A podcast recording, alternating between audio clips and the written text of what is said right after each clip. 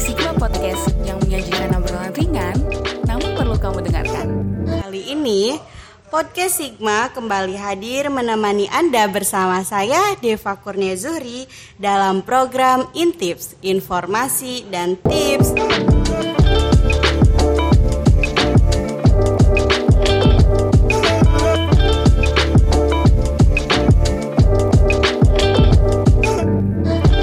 Assalamualaikum warahmatullahi wabarakatuh Halo Sigmania, mahasiswa-mahasiswi apa kabar nih? Semoga baik-baik aja ya dan sehat selalu di mana pun Anda berada Kali ini Podcast Sigma kembali hadir menemani Anda bersama saya Deva Kurnia Zuhri dalam program Intips, Informasi dan Tips Selama 30 menit ke depan, Depa bakal nemenin kalian semua. Banyak orang yang menjadikan Ramadan sebagai momen untuk banyak membaca Al-Quran, bahkan menargetkan untuk hatam. Menghatamkan Al-Quran di bulan Ramadan memang bukanlah perkara wajib, namun umat Muslim dianjurkan untuk banyak membaca Al-Quran pada bulan berkah ini. Nah, Sigmania, Hari ini podcast Sigma di program Intips menghadirkan narasumber dari UKM UPTQ. Di sini saya bersama Kang Wildan Ahmad Sahrul Romdoni yang akan membagikan informasi dan tips yang menarik terkait tips menghatamkan Al-Quran di bulan suci Ramadan. Oke langsung saja, jangan ke mana-mana karena sudah hadir bersama saya di sini Kang Wildan Ahmad Sahrul Ramdhani. Assalamualaikum Kang Wildan. Waalaikumsalam warahmatullahi wabarakatuh. Tadi Gimana nih kabarnya hari ini? Alhamdulillah baik kabarnya. Puasanya lancar? Alhamdulillah lancar. Uh, namanya kayaknya kalau saya manggil Kang Wildan nama panjang kayaknya kepanjangan ya. Lebih iya. enak dipanggil apa nih? Lebih enak dipanggilnya Wildan aja okay, deh. Oke, Kang Wildan ya. Iya. Pakai Wildan aja ya. Oke. Gimana uh, puasa selama kan sekarang lagi puasa terus di masa pandemi kan? Mm-hmm. Gimana puasanya ada halangan? Ya baik untuk puasa di era pandemi ini mungkin kita masuk tahun kedua ya. Mm-mm. Pasti ada bedanya di mana ketika kita puasa ketika tidak adanya pandemi ini kita bisa leluasa bisa bertemu dengan rekan-rekan baik itu rekan SD, SMP, kemudian bahkan kampus gitu ya. Kita bisa berkongkoh-kongkoh dengan mereka, bisa bertukar cerita gitu. Nah, sedangkan di saat pandemi ini kita sangat sulit gitu untuk melakukan hal tersebut mm. ya. Namun bisa mm-hmm. dengan catatan kita harus mematuhi protokol kesehatan. Iya. Itulah uh, pembeda daripada puasa di era pandemi dan ketika tidak ada pandemi seperti itu tadi Pak. Uh, gimana sih biar kita tetap produktif di bulan puasa ini? Nah, agar kita tetap produktif di bulan suci Ramadan ini, mm -hmm. khususnya di bulan Ramadan tahun ini ya, mm -hmm. kita harus memiliki sebuah plan atau mm -hmm. sebuah rencana di iya. mana rencana itu yang sudah saya lakukan contohnya adalah Ramadan Planner ala Aweser. Nah, apaan tuh? Ini bagian daripada sebuah buku, buku ataupun catatan mm -hmm. untuk menuliskan planner yang saya miliki selama di bulan Ramadan gitu. Okay. Nah, ketika kita memiliki sebuah plan, maka kegiatan Ramadan kita akan produktif. Contohnya, kita memiliki sebuah plan yaitu meng-cross check terkait sholat sunnah kita. Satu, sholat duha kedua sholat hajat, sholat tahajud dan lain sebagainya. Nah di situlah kita memiliki plan tersebut, kita cek hal tersebut sehingga Ramadan kita kan tetap produktif Oke. seperti itu tadi Berbicara Ramadan produktif, tentunya iya. pasti uh, semua orang menargetkan uh, untuk gimana caranya selama bulan puasa ini saya harus hatam Al-Qur'an gitu kan. Betul. Gimana sih cara mudah untuk menghatamkan Al-Qur'an uh, 30 juz tentunya di bulan puasa. Baik. Uh, ini memang sudah suatu apa ya kebiasaan lah ya bagi umat muslim dan muslimah di mana masuknya bulan Ramadan sudah pasti yang ada di benak pikiran kita yaitu pengen hatam gitu ya mm selama satu bulan ini. Mungkin Tedeva juga sama kan ya seperti itu kan? Ya, nah iya jadi ada beberapa cara untuk melakukan agar kita itu bisa hatam ketika di bulan Ramadan gitu. Di antaranya bisa kita melakukan one day one juz. Satu hari satu juz gitu kan. Nah, dengan one day one juz ini kita bisa diri, merincikan kembali gitu. Ketika sholat fardu kita bagi karena dalam satu juz itu kan ada 20 lembar. Nah, dalam eh, salat fardu dalam satu hari itu kan ada lima waktu. Yang pertama subuh kan ya. Nah dari subuh itu kita bagi menjadi dua lembar. Dua lembar itu bisa seperti empat halaman sampai seterusnya gitu. Oh, gitu, Nah iya. sehingga kita bisa memudahkan untuk khatam Al-Quran satu bulan itu satu kali hatam Al-Quran khususnya di bulan Ramadan. Itu sih tips yang paling utama ya, utama dalam arti kalau kita ingin hatam. Satu kali gitu ya selama bulan Ramadan gitu. Oh gitu ya. Eh, gimana tuh cara kita agar berhasil hatam Al-Quran? Kan tadi sudah disebutkan ya. Tadi eh, mengenai terkait lima waktu. Betul. Nah, kadang perempuan itu suka ada halangan-halangan gitu ya, Kang Betul. Wildan ya. Iya. Gimana sih caranya biar eh, targetnya itu kesampaian gitu tuh? Kesampe ya. Jadi untuk target yang sudah kita catat atau yang sudah kita tanamkan, katakanlah itu sebuah azam pada diri kita ya.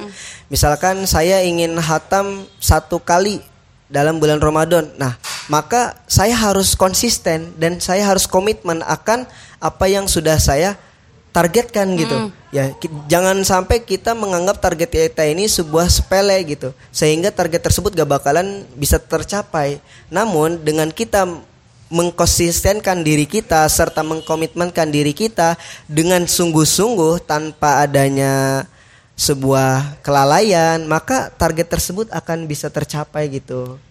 Oh berarti balik lagi ke diri kita sendiri nah, nih. betul. Balik Mau lagi nggak nih hatam gitu ya? Nah, seperti itu. Kalau semisalnya nggak mau, ya susah gitu, nggak bakal kesampaian hatam itu ya. Betul, betul Oke, sekali Teh Deva. Ya cuman tadi kan eh, Teh Deva ada catatan ya bahwa ketika wanita yang sedang halangan ya itu bagaimana sih?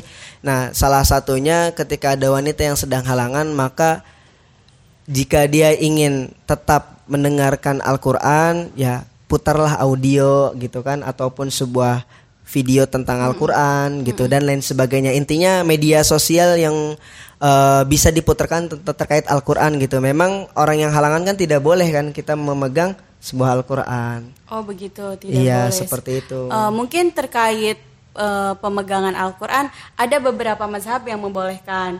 Cuman eh, ada beberapa mazhab juga yang tidak memperbolehkan begitu. Tergantung kita mengikuti mazhabnya. Mungkin seperti Iya. ya. Bu, seperti itu ya. Namun untuk perempuan sendiri memang tidak diperbolehkan ketika dia tidak suci gitu. Oh begitu. Iya, mm-mm. Eh, apa sih keistimewaan hatam Al-Quran di bulan suci Ramadan?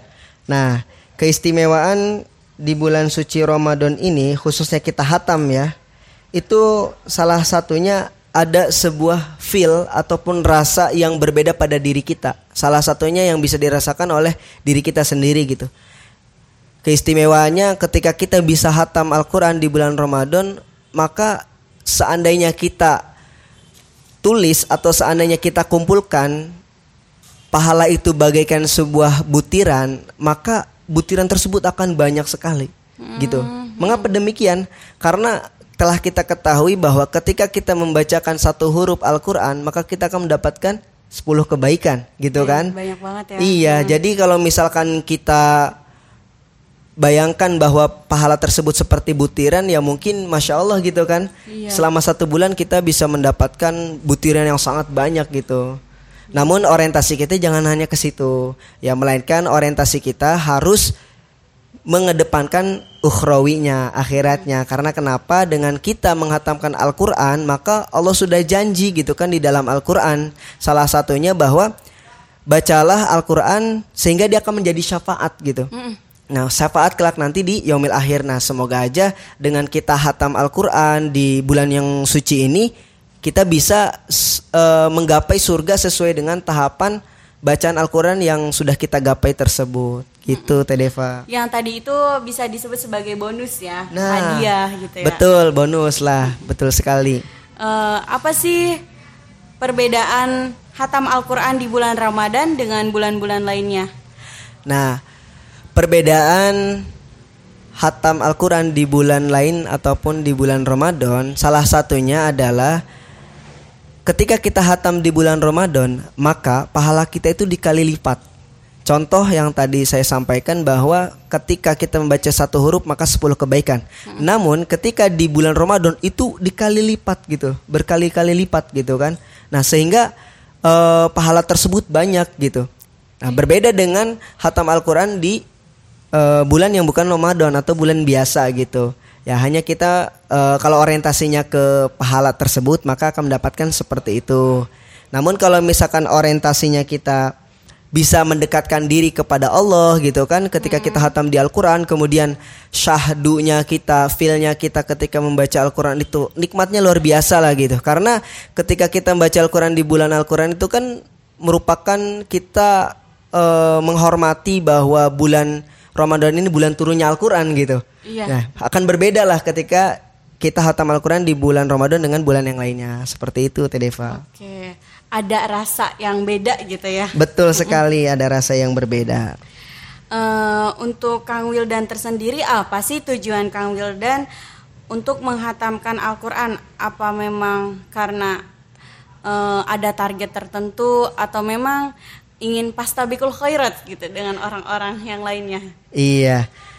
Sebetulnya ya salah satunya ingin menyempurnakan ibadah kita ya. Mm-hmm. Itu salah satu memang tujuan utama kita dan memang itu pun bagian daripada target saya gitu bahwa saya harus hatam Al-Qur'an di bulan suci Ramadan ini. Di samping itu itu merupakan pekerjaan atau pekerjaan yang mulia di mata Allah gitu serta kita akan mendapatkan sebuah imbalan yang setimpal. Dan mm -hmm. kita pun mengikuti sunahnya Rasulullah gitu ketika kita hatam di bulan Ramadan. Itu bagian daripada tujuan saya ingin uh, menghatamkan Al-Quran di bulan Ramadan ya. Di samping kita pas tabikul herat ya berlomba-lomba dalam kebaikan itu pun sudah pasti gitu Tedeva target Kang Wildan kira-kira uh, buat bulan puasa kali ini berapa kali nih hatamnya?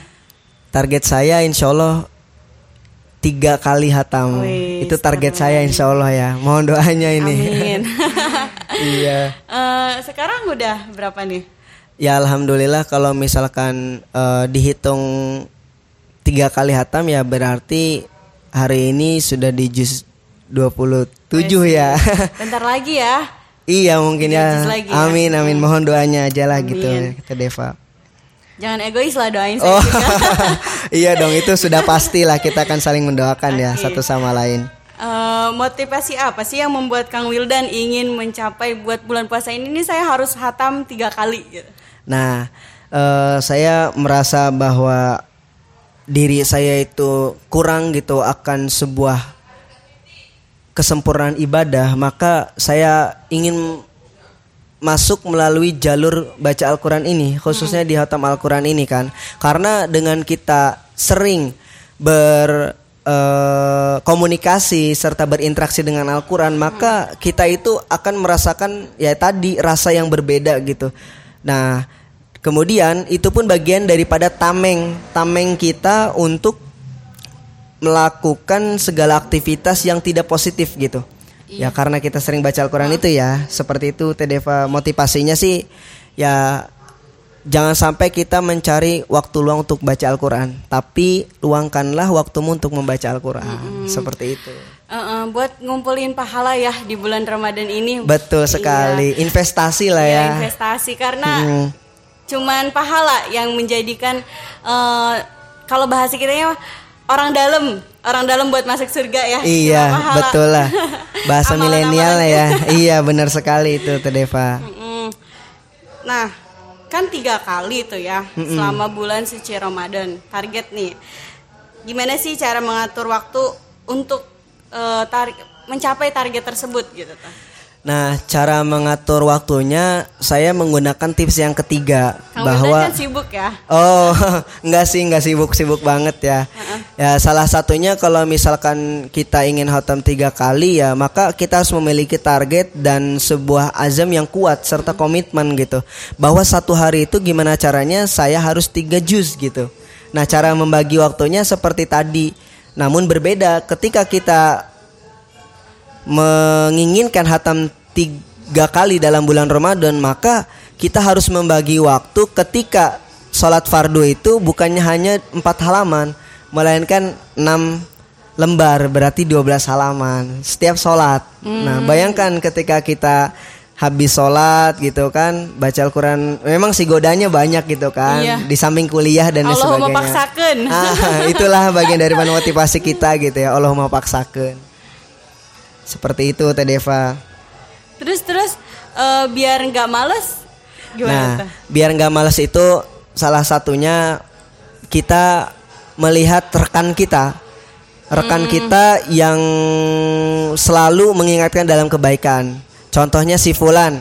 Si Fulan ini selalu membuat status misalkan statusnya dalam artian tentang kebaikan apalagi tentang Al-Qur'an. Nah, Hmm. terkadang hal tersebut yang suka membuat diri kita bermuhasabah, berintrospeksi diri. "Ay, Ya. kamu gimana sih kok diem aja loh kamu kan punya target loh tiga kali hatam dalam bulan Ramadan Yo, gitu bisa kan. yo. yo bisa yo gitu. Terus terus. Nah di samping itu juga motivasi dan agar kita tidak malas juga kita harus memaksakan diri kita serta kita tempel sebuah quotes ataupun sebuah kata-kata di dinding tempat belajar kita ataupun di pintu yang sering ketemu oleh kita gitu. Sehingga kita akan ingat oh kamu nih punya target dalam satu bulan ini khotam tiga kali. Ya walaupun di samping ini banyak kegiatan-kegiatan yang saya alami seperti itu. Iya, bener banget ya Kang Wildan. Kita tuh harus eh, punya targetan. Saya nih nanti hari ini harus ngapain gitu tuh. Saya Betul. ini harus eh, hari ini harus menyelesaikan apa gitu. Tempel di depan. Saya juga sering kayak gitu, nempel di depan lemari, Iya. di depan pintu kamar mandi. Kadang bener banget. Ternyata kita sama ya. tipsnya. iya satu frekuensi lah boleh boleh. seperti itu Berbicara tentang wanita ya. oh wanita wanita eh, kadang ya tadi seperti yang sudah disebutkan wanita itu kadang ingin menyelesaikan tetapi eh, selalu ada halangan kadang Betul. halangannya itu tamunya itu datang eh, satu bulan dua kali gitu Mm-mm. kadang ada yang sebulan sekali gitu. Kadang ada yang nggak lancar juga Betul. nah selain eh, mendengar tadi kan tipsnya dari cara kita mendengar Mendengarkan bisa audio Al-Quran. gitu Mm-mm. ya. Selain itu apalagi sih Kang? Kan tadi kata Kang Wildan eh, dari mazhab yang Kang Wildan pelajari tersebut bahwa wanita itu tidak diperbolehkan untuk memegang Al-Qur'an gitu. betul iya Ya. jadi khususnya yang hafizoh ya. Dia udah pasti kan harus memurojaah kan memurojaah Al-Qur'an sendiri biasa. gitu kan. Apalagi nggak mungkin orang yang sudah hafal 30 juz itu satu hari itu nggak mungkin satu juz gitu. Dia akan lebih ya. Khususnya yang hafizoh ini bagaimana sih ketika eh, dia berhalangan kan? Nah, itu benar. Nah, itu pasti di benak pikiran kita pasti banyaklah pertanyaan-pertanyaan seperti itu. Nah, saya kutip daripada ceramahan Ustadz Adi Dayat bahwa ketika seorang hafizoh eh, membaca atau ingin memurojaah Al-Qur'an, maka ketika membaca Al-Qur'annya itu dia tidak disempurnakan. Ya. Jadi dalam artian ketika contoh membaca alif Al-Baqarah ya ayat 1 sampai misalnya ayat 5. A'udzubillahi minasyaitonir rajim. Jadi lebih kepada dieja. Bismillahirrahmanirrahim. Alif lam mim. Nah, jadi bacaannya itu tidak disempurnakan gitu. Kenapa? Karena larangan bahwa ketika sedang berhalangan itu tidak boleh disempurnakan bagi orang yang sedang berhalangan. Namun ketika orang yang ingin bermurojaah yang hafizah sendiri itu diperbolehkan seperti itu. Ya, di samping eh, mendengarkan audio seperti itu. Nah, namun Imam Bukhari pun pernah mengatakan seperti ini. Ketika kegiatan-kegiatan yang senantiasa kita lakukan, khususnya dalam kebaikan apalagi membaca Al-Qur'an serta menghatamkannya ya, khususnya yang hafiz ataupun hafizoh. Nah, dia dalam keadaan halangan maka dia akan tetap mendapatkan pahala walaupun dia tidak mengerjakan gitu loh. Karena halangan tersebut kan bukan karena diri dia kan, melainkan atas izin Allah seperti itu. Itu sih yang saya dapatkan gitu selama ini gitu loh Teh Deva. Eh, Kang Wildan apa sih adab buat kita membaca Al-Quran? Dari tadi kita udah muter-muter ternyata kita belum membahas adabnya nih. Oh iya betul sekali itu ya. Nah, adab eh, untuk membaca Al-Qur'an gitu kan ada kan di dalam kitab At-Tibyan ya salah satunya karangan Im Syekh Imam An-Nawawi. Ya di antaranya kita harus memuliakan Al-Qur'an gitu. Salah satunya kita harus bersuci dulu dalam artian berwudu terlebih dahulu sebelum kita memegang Al-Qur'an atau mushaf Al-Qur'an. Setelah itu kita harus membawa Al-Qur'an itu ya biasa kita lihat gitu ya eh, di keadaan kita itu di, di atas dada gitu kan. Yang terpenting jangan sampai Al-Qur'an itu lebih rendah daripada kita, melainkan harus di atas seperti itu. Itu salah satu daripada eh, adab kita membaca Al-Qur'an dan jangan lupa harus menghadap kepada kiblat. Itulah salah satu ataupun tiga adab lah adab yang harus kita dawamkan untuk ketika kita membaca Al-Qur'an. Hukum orang yang membaca Al-Quran tapi tidak berwudu. Nah, hukum eh, membaca Al-Qur'an namun tidak berudu ya. Ini memang ada di dalam surat Al-Waqiah. Saya lupa ayat berapa. Kurang lebih ayatnya A'udzubillahi minasyaitonirrajim. Bismillahirrahmanirrahim. La yamassuhu ilal mutahharun. Nah, jadi maksud daripada ayat ini ada tiga tafsiran yang guru saya tafsirkan ketika di pesantren itu. Yang pertama itu dia itu boleh memegang Al-Quran tanpa berwudu. Mengapa demikian? Karena orang yang suci itu lil mut- mutahharun itu kan siapa? Malaikat. Nah, dan Al-Quran yang sejatinya Al-Quran itu kan ada filauhil mahfud. Seperti itu. Sehingga kita diperbolehkan untuk membaca Al-Quran tanpa wudhu. Nah, ada juga yang membaca Al-Quran dengan wudhu gitu kan Apalagi yang sudah biasa membaca Al-Quran dengan wudhu Ibarat mah kita memuliakan Al-Quran lah gitu loh Ini kan kitab suci masa kita nggak suci Nah Oh, itulah adab ya. salah satunya adab lebih kepada situ Ya jadi memang di hal seperti ini kadang suka dijadikan sebuah perdebatan gitu Iya. Namun kita selaku generasi milenial yang tidak boleh kita tidak mengetahui tentang kontemporer hal tersebut maka kita jangan sampai mem- mempermasalahkan gitu seperti itu Teh Deva gitu Eh, kalau kita lagi baca Al-Quran kadang eh, nggak enak gitu kalau misalnya dilaksanakan setelah eh, waktu di waktu siang misalkan. Mm-mm. Waktu apa aja sih yang enak buat kita plong gitu baca Al-Quran? Nah, kalau sepengalaman saya ya Teh Deva ya, waktu enak untuk baca Al-Qur'an itu lebih nikmat lah ya. Salah satunya satu sebelum subuh ketika waktu qiyamul lail. Apalagi kan sekarang kita di waktu Ramadan sering sahur kan bangunnya jam 3 bisa tahajud terlebih dahulu. Nah, itu waktu yang sahdu. Yang kedua, waktu setelah salat tarawih di mana kita berada di dalam masjid sendirian, kemudian kita berkomunikasi bercengkrama dengan Al-Quran itu terasa nikmat rasanya. Nah setelah itu juga ada waktu ketika ba'da subuh. Nah ba'da subuh ini emang tantangan kita gitu karena banyak eh, rekan-rekan kita ataupun generasi milenial ini ketika ba'da subuh tuh kadang tertidur kan begitu kan? Iya. Karena tidak ada paksaan dalam diri kita gitu. Godaan setan. Nah, godaan setan betul sekali di situ. Ya saya sih memiliki waktu empat waktu ya. Yang terakhir itu di waktu sore ketika bada asar gitu ya. Kita berikanlah waktu 15 menit lah untuk berkomunikasi dengan Al-Quran seperti itu. Di antaranya kan waktu ba'da subuh, waktu sebelum subuh, waktu ba'da salat tarawih atau ba'da salat isya dan yang terakhir itu setelah salat asar. Biasanya Kang Wildan kalau nyelesain kan eh, satu waktu satu waktu sholat itu ya setelah sholat eh, Iya. 6 lembar gitu kan? Iya. Itu berapa menit biasanya? Nah, biasanya itu 6 lembar itu kurang lebih setengah jam ya. Kalau misalkan kita bacanya memang dengan meresapi menikmati sesuai dengan kaidah tajwid gitu ya itu kurang lebih setengah jam gitu.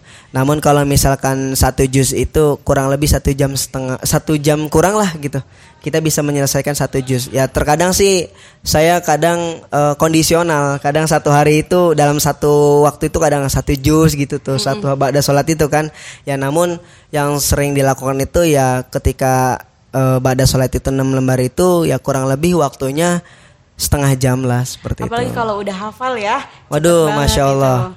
Itu. 40 Itulah. menit juga Amin. bisa jadi gitu. waduh amin Ada nggak sih eh, rasa yang beda gitu tuh. Kan hari-hari biasanya kita kadang baca Al-Qur'an paling satu hari berapa lebar gitu. Mm-mm, Sekarang betul, kan betul. di bulan Ramadan kita baca terus, baca lagi, baca lagi lebih apa ya, lebih cepet ngobrolnya gitu sama Al-Qur'an. Betul, Ada nggak sih rasa yang berbeda gitu?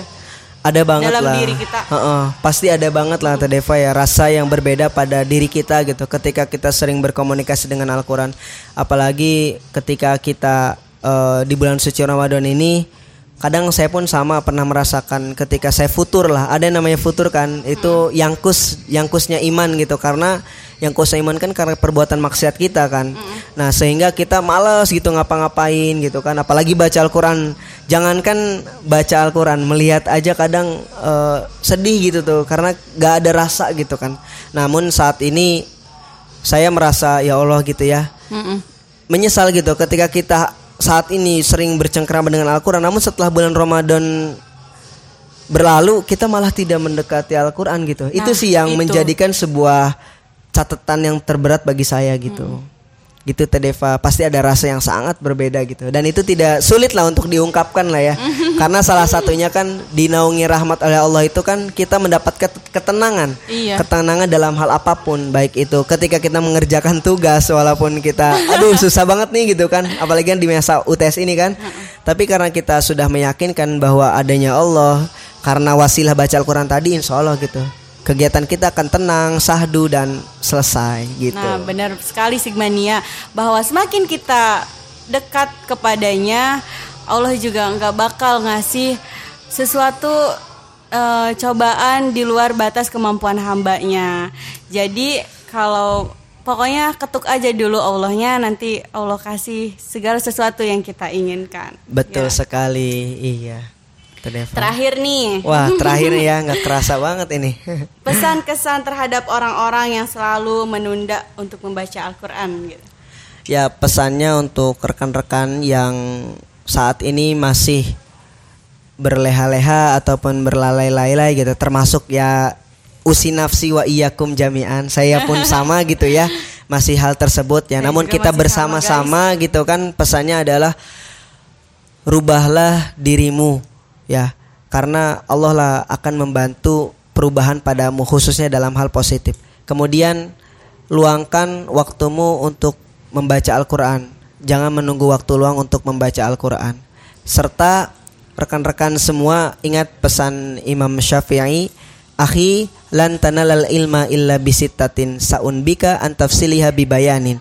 Zakaun wa khirsun wa ijtihadun wa dirhamun wa suhbatul ustad wa tulazaman jadi momentum Ramadan kali ini itu bagian daripada kita sedang menanam.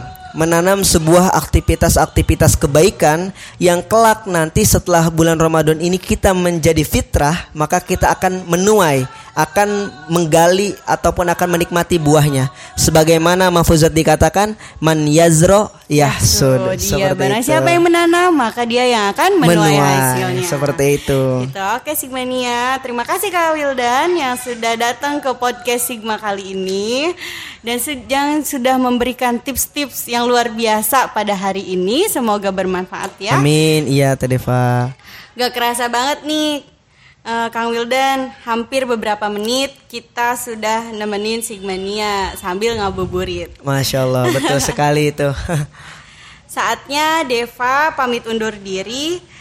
Eh, tapi jangan lupa setelah ini teman-teman Sigmania silahkan kunjungi web kami di www.lpmsigma.com dan kunjungi Instagram kami di LPM Sigma.